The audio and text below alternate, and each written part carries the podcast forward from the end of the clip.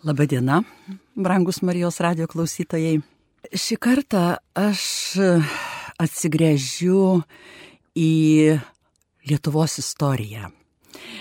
Atsigręžiu per gana žymų, garsų kunigą Antaną Radušį. Be abejo, jį galbūt retas žmogus jau te žino, nors yra išleista ir knygelė, ir nemažai rašyta, bet vis tik tai yra vienos parapijos klebonas ir žinoma, plačiai žinoti yra sudėtinga. Tai dėl to apie jį noriu pakalbėti, kad iš tikrųjų labai šiaip žymus žmogus, labai įdomus, labai daug nuveikęs kunigas Antanas Radušis ne tik daug nuveikė kaip dvasininkas, jis labai daug nuveikė ir kaip žmogus. Ir tuos dalykus reikia labai vertinti. Tai buvo ir parapijos įkūrėjas, bažnyčios statytojas, buvo švietimo ragintojas, mokyklos įkūrėjas, miško sodintojas ir buvo tautosakininkas. Tos sritys iš ties visos buvo jam svarbios, bet aš pradėsiu galbūt nuo to, kad e, kodėl kalbu apie Antaną Radušį, tai iš ties turbūt net ir iš asmeninių paskatų, kadangi esu iš Prienų rajono Šilavoto, e, tai mano bažnyčia, tai mano, kaip mes sakydavome šeimoje, tai mūsų Dievo namai, nes toje bažnyčioje mes visi buvom krikštyti, tuokėsi tėvai ir vėliau tėvai į paskutinę kelionę iškeliavo. Tai galbūt dabar jau esate girdėję ir Šilavoto Davatkyną, apie kurį aš truputį vėliau pakalbėsiu. Ir dėl to norisi pakalbėti apie šios parapijos kleboną Antaną Radušį. Aišku, vėliau buvo ir kiti kunigai, ir, ir taip pat labai įsimenantys ir daug nuveikę, bet štai Radušis buvo pirmasis kunigas Šilavoto miestelyje ir aš truputėlį į jį pažvelgsiu iš toliau, ne tik mūsų parapijos laiką apžvelgsiu, tai Antanas Radušis gimė 1848 metais, birželio 12 dieną, Oranuose, Gižų valščiuje. Suvalkyjoje motina anksti liko našlė, tačiau stengiasi išleisti sūnų Antaną į mokslus.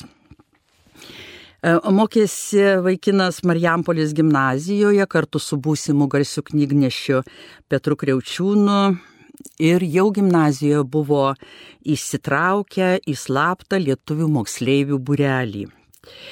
Vėliau baigė Seinų kunigų seminariją, apie kurios veiklą prisiminimai fiksuoja, jog du vyrai Seinų kunigų seminaristams turėjo daug įtakos.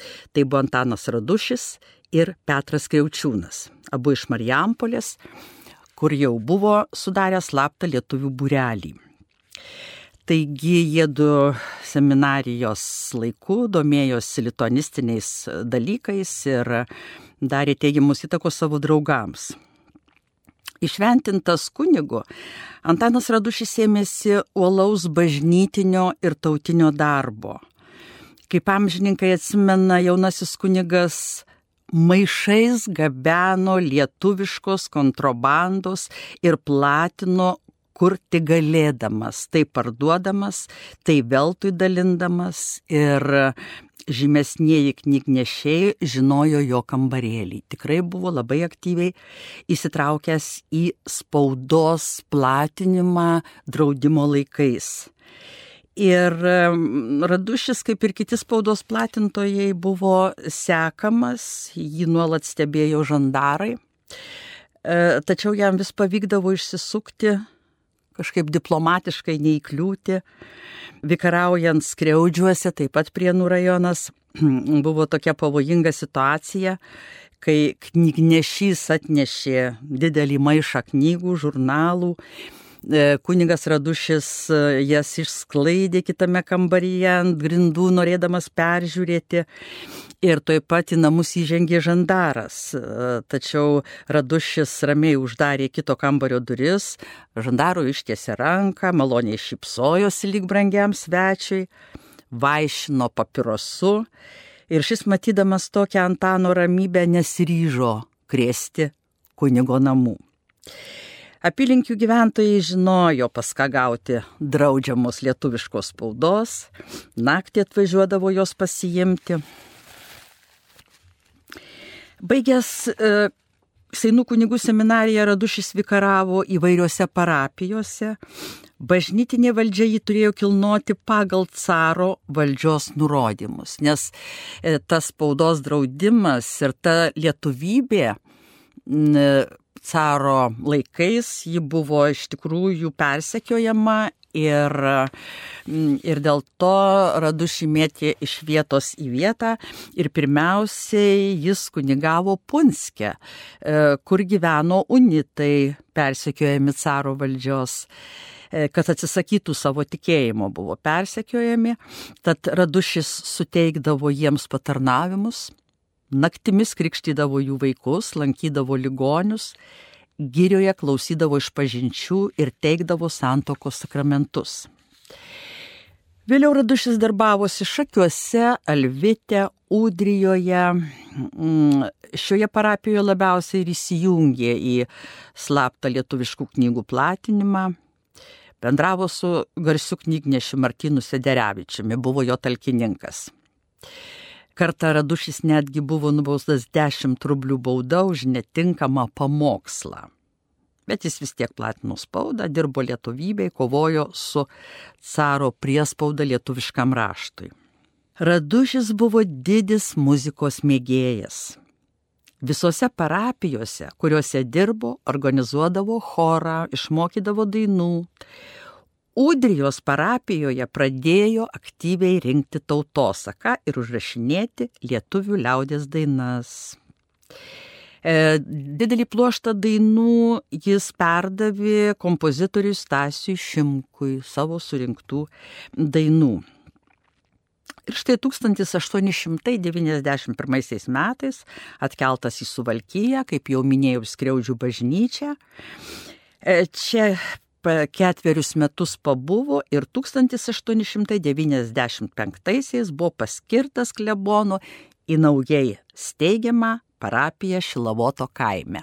Tuomet Radušis buvo 47 metų, jis pirmą kartą gavo parapiją, nes kitol buvo vikaras, o štai Šilavotė jau klebonas.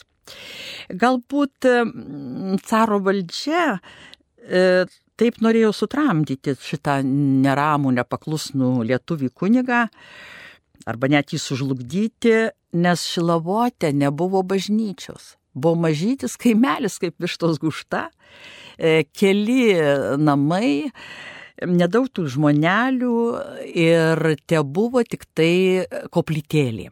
Beje, dabar Radušis yra šilavotė palaidotas būtent koplytėlės vietoje. E, taigi neradu šį palaužti. Kunigas e, iš karto susidaro sudėtingą ir, ir, ir, ir į, į tolį tiesiantį planą. Pirmiausiai pasistato su talkomis kleboniją nedidelę ir prim, šalia klebonijos pasodina sodą.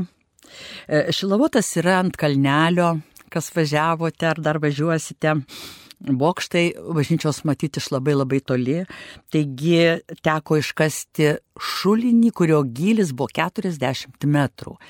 Radušio iškastas šulinys yra iki šioliai klebonijos kieme. Ir taip įsikūręs pradėjo ruoštis bažnyčios statybai. Marijampolėje surado inžinierių Valerijų Rybovskį, kuris ir suprojektavo Šilavoto bažnyčią, didelį neogotikinį statinį. Ir klebonas su talkininkai suprato, jog plytas pirkti būsia per brangu, nes statė iš raudonų plytų. Ir sugalvojo, kad reikia turėti savo plytinę, netolimame kaime, mm, įkūrė plytinę ir ėmė žiesti plytas, valstiečiai dar privežė akmenų. Ir tokiu būdu vyko bažnyčios statybos. Tikrai buvo labai sudėtingas darbas. Galop 1902 metais spalio 28 dieną buvo konsekruota Šilavoto švenčiausios Jėzaus širdies bažnyčia. Įdomu yra tai, kad e, tuomet Seinuose vyskupas ir garsusis rašytojas Antanas Baranauskas jau žinojo apie naują Šilavoto bažnyčią ir ją pašventinti atsiuntė iš Seinų prelatą Juozapą Antanavičių kuris buvęs netgi prienų klebonų, asmeniškai pažinojęs Radušį, nes abu, abu buvo savaitraščių šaltinis bendradarbiais. Žinoma, 1902 metais bažnyčia dar nebuvo baigta. Stogas dengtas šiaudais, grindys asla, išpilta žvyrumi, sienos nudažytos aliejumi, kuris išspaustas iš parapiečių suneštų sėmenų. Klebūnas Radušis gebėjo suburti žmonės, įkalbėti, įrodyti. Ir bažnyčia buvo įrenginėjama ir toliau, ir, ir po jos išventinimo. Štai 1908 metais sumontuoti Dansigę pagaminti vargonai, apskardintas stogas. Randame informaciją, jog po pirmojo pasaulinio karo vargonus Šilavoto bažnyčiai sumeistravo Jonas Garalevičius, garsus Lietuvos muzikos instrumentų meistras, Lietuvių tautinio sąjūdžio veikėjas, e, kuris buvo mm, pagaminęs Maironiui kankles, kurios iki šiol skamba poeto bute nes E, vargonai pirmieji e, per pirmą pasaulinį karą buvo sugadinti, todėl e, teko Jonui Garalevičiui jau pagaminti kitus. Iš tikrųjų, pirmas pasaulinis karas padarė daug žalos bažnyčiai, dėl to Radušis labai pergyveno, sielojosi, bet vėlgi nepasidavė. Labai didelė parama Antanui Radušiui buvo, kai 1906 metais vikaru į Šilavotą paskirtas Juozas Vaičiaitis. Jau seniai pažįstamas su Radušiu ir beje poeto Prano Vaičiaičio brolis. Ir a, tai buvo, a, a, abu labai sutarė ir a, tikrai labai darniai darbavosi. Dabar noriu kitą Antano Radušio sritį paminėti. Antanas Radušis buvo didis švietėjas. E, jis e, aplinkui matė, suvokė, kad e, dauguma parapijos vaikų yra beraščiai ir kad būtina juos šviesti. Ir todėl 1902 metais klebonijoje įsteigė tiems kaimo vaikučiams pradžios mokyklą, skyrė mokiniams savo asmeninės lėšas ir rūpinosi vadovėliais, nes žinojo, kur jų gauti. Ir 1911 metais buvo atidaryta jau valstybinė mokykla.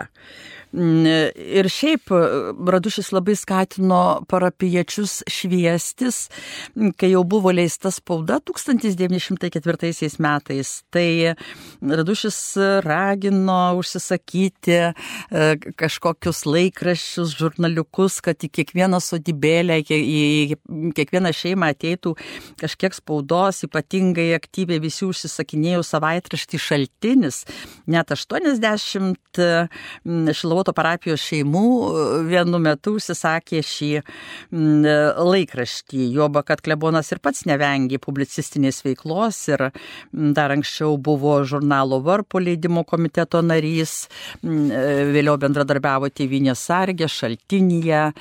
Tikrai ieškant būtų galima rasti jo įdomių straipsnių. 1905 metais Antanas Radušis dalyvavo didžiajame Vilniaus Seime prisidėjo ten pinigais ir vėlgi mm, raginimu prie žiburio mergaičių progymnaziją įkurti.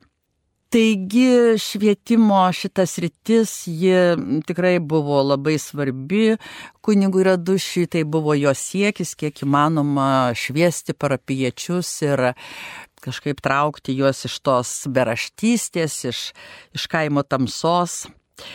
E, dar vienas didelis nuopelnas e, begyvenant Šilavoto parapijoje, kad kunigas e, Radušis ėmėsi sodinti mišką.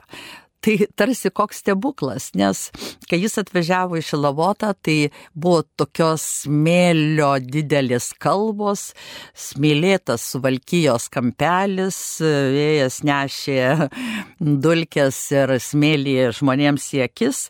Ir Radušis sugalvojo, kad reikia pasodinti mišką. Ir jisai pats vėlgi vos ne iš savo lėšų po truputį ragindavo valstiečius, kad jam parduotų ten kokį kampelį žemės ar dovanų dovanotų, kvietė gyventojus į e, miško sodinimą ir pasodino šilavotiškiai kartu su kunigu 12 tūkstančių spigliuočių, e, šilkapušių ir pušų.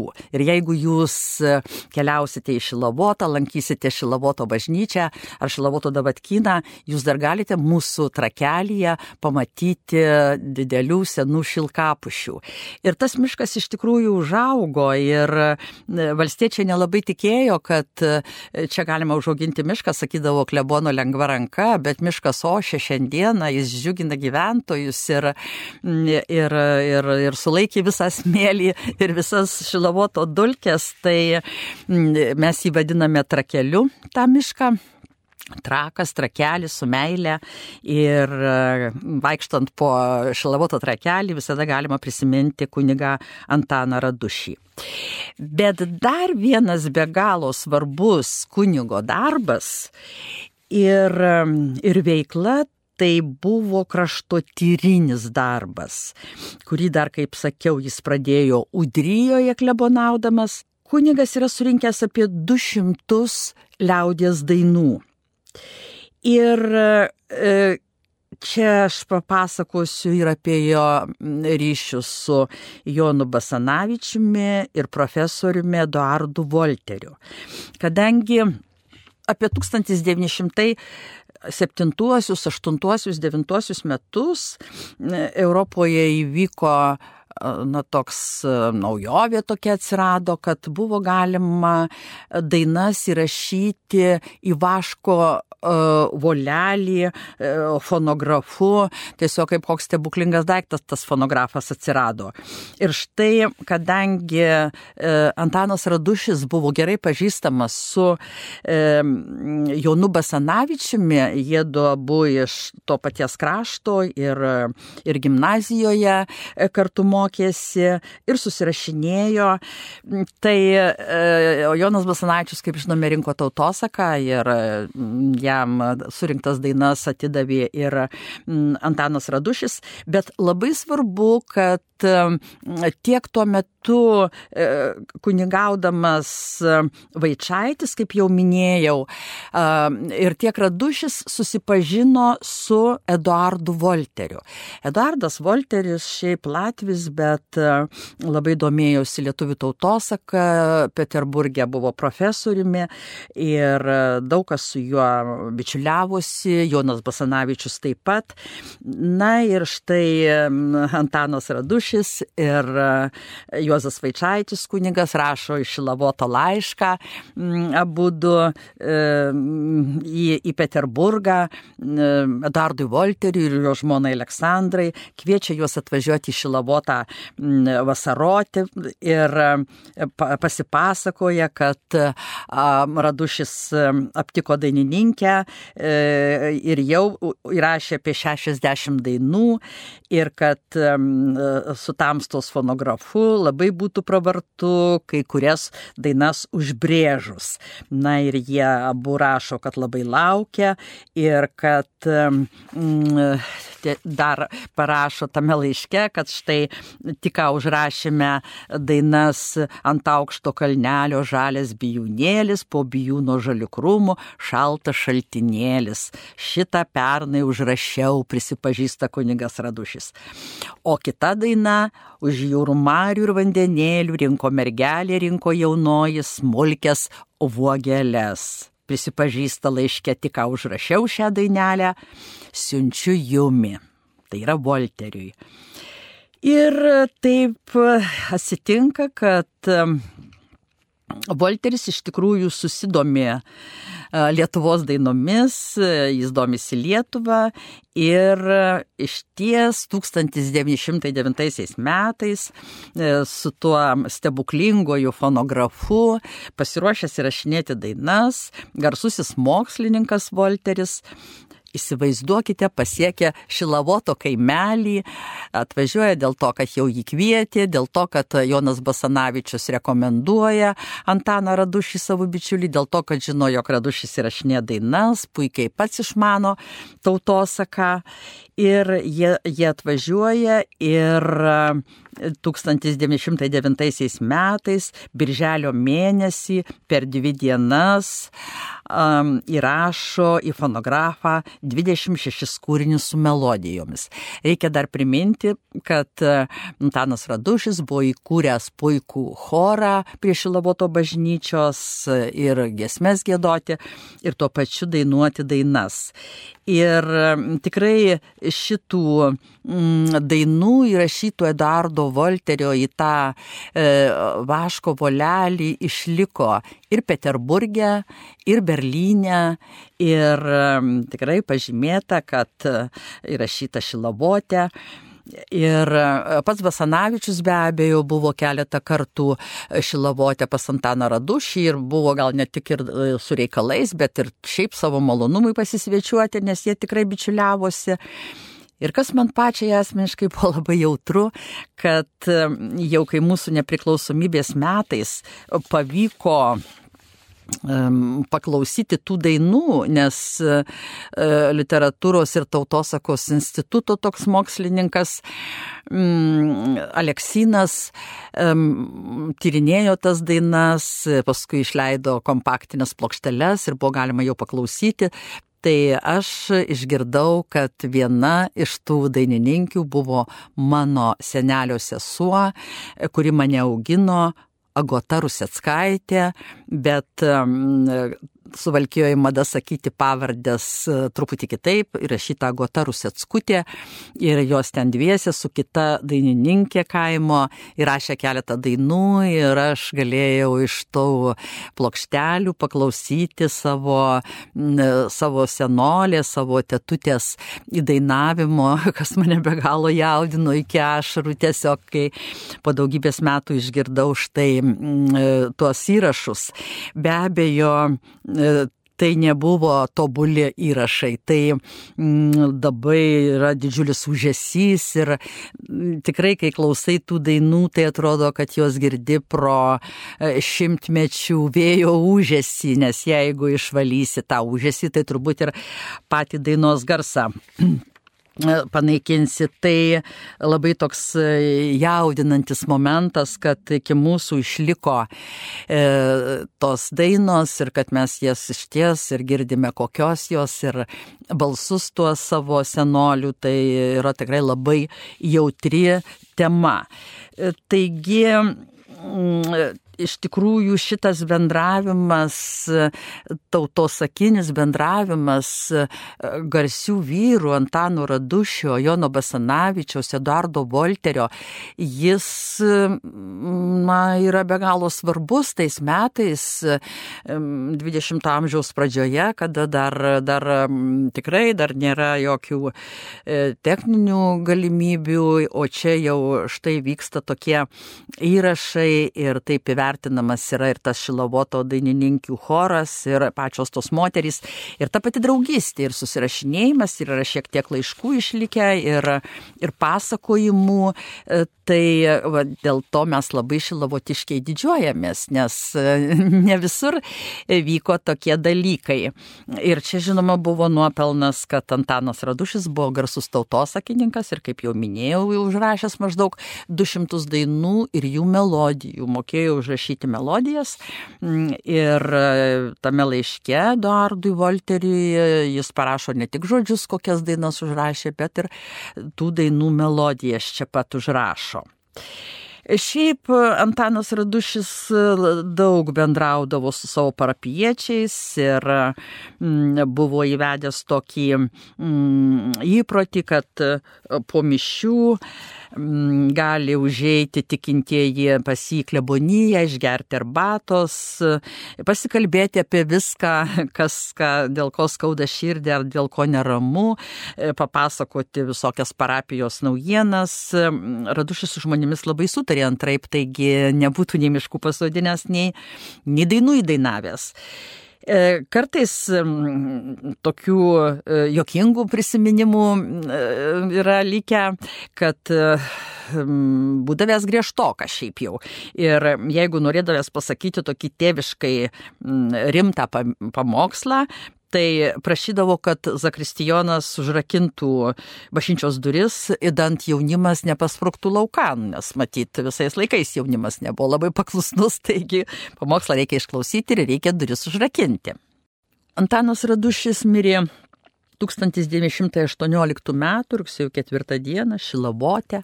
Jis yra palaidotas, kaip jau sakiau, buvusios senosios koplytelės vietoje pastatytas e, toks įspūdingas paminklas pieta.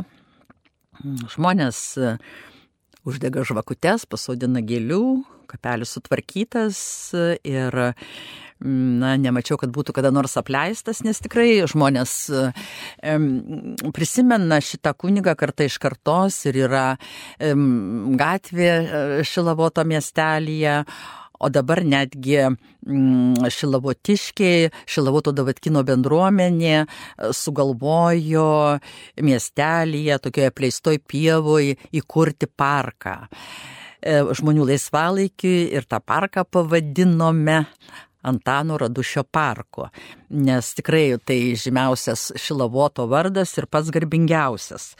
Dar keletą žodžių noriu pasakyti ir apie Šilavoto davatkyną. E, turbūt jau daugelis iš jūsų esate bent jau girdėję arba buvę toje vietoje. Tai yra mm, nepilnas kilometras nuo bažnyčios Šilavoto, ten į pakalnes, į tą trakelį. Ir mm, kai 1895 metais pradėjo kurtis e, Šilavoto parapija, tai ir, ir įsikūrė šitas Šilavoto davatkinas, apsigyveno pirmosios moterys, tai buvo tarsi neformalus vienuolynas, tos, kurios norėjo į vienuolyną, bet galbūt neturėjo įnašo. Ir pirmąjį namelį ten pasistatė, broliai pastatė savo seseriai, kuri norėjo eiti į vienuolyną. Ir taip prasidėjo tas Šilavoto Davatkino plėtimasis, buvo vienu metu, e, ten ir, ir apie 14 moterų, ir tai nebuvo būtinai netekėjusios mergelės, tai galėjo būti ir mm, kokia vieniša moteris, kuri, kuri galbūt našlė, ar kurią gal ten labai šeimoje, kuriai blogai, žodžiu, galėjo būti įvairios moterys, jos viena kitą palaikė. Ir tas šilavoto davatkinas, mm, galima galvoti, kad davatkinas toks kaip ir neįgiamas žodis, bet iš tikrųjų tai aš augau e, ir mm, žinojau šilavoto davatkiną ir mama dažnai siūsdavo nunešti kokio maisto. Tai buvo vadinama davatkėlės, buvo vadinama su meilė ir mūsų vaikus asmeniškai per tą sovietinį laiką davatkėlės ruošė pirmąjį komuniją ir aš ten bėgiojau po pamokų į pakalnes mokintis poterių ir vėliau davatkėlė privedė mus, vedė į bažnyčią privedė pirmosios komunijos.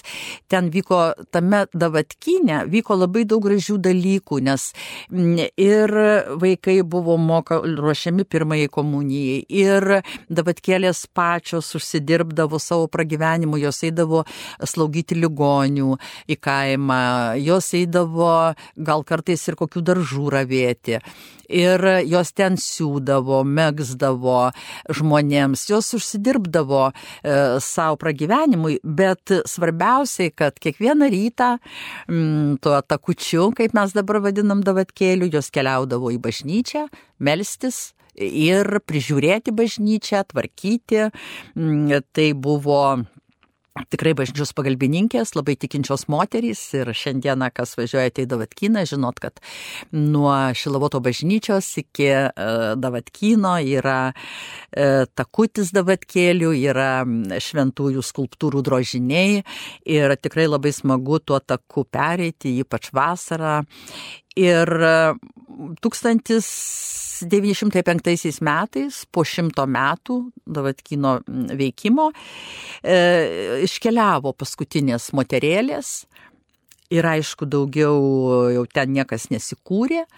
Ir to, taip liko tušti tie nameliai, tačiau giminės šiuo atveju konkrečiai, na, iš, iš vienos iš netgi pirmųjų davatkėlių giminės kartai iš kartos, mm, danguolė Marija Dabrišiūtė Lincevičianė, jos vyras Kostas Lincevičius, dabar jau ir vaikai, Viktorija, Petras, suaugę jų vaikai, tiesiog ėmėsi šitą vietą tvarkyti. Ji yra privati, yra jų nuosavybė, nes jie galėjo kaip giminės atsiimti. Ir dabar ten yra prie Nukrašto muziejaus padalinys, kaip ir muziejus ir iš tikrųjų labai viskas autentiška mm, ir, ir tie namukai, ir ta aplinka, ir tie gėlynai, dabar kėlės gyvenant daug sėjo sodino, Tai tokia, manau, vieta tikrai yra verta aplankyti, nes e, iš ties vienais metais ir popiežiaus nuncijus ten buvo nuvažiavęs ir šventino skulptūras ir lankėsi ir sakė, kad tokie e, davatkynai, tokia laisvas toks moterų gyvenimas, e, pamaldžių labai moterų, tai labai retai kur yra Europoje, liktai Belgijoje jisai paminėjo, bet šiaip tai tikrai lankytina vieta ir tuo, tuo pačiu jau reikia aplankyti ir Šilavoto bažnyčią ir tuo takučiu nueiti iki Davatkyno ir pajusti tą tokią atmosferą dar, dar, dar XIX amžiaus pabaigoje, visą 20 šimtmetį. Taigi tiek aš šiandieną norėjau Jums papasakoti ir iš tikrųjų asmeniškai man labai įdomios šitos temos ir labai svarbios, nes tikrai labai myliu savo gimtają bažnyčią, kaip ir sakau, ir tas vietas, ir Šilavoto Davatkyną. O jums belieka palinkėti gražių, šviesių žiemos dienų, sveikatos ir Dievo palaimos.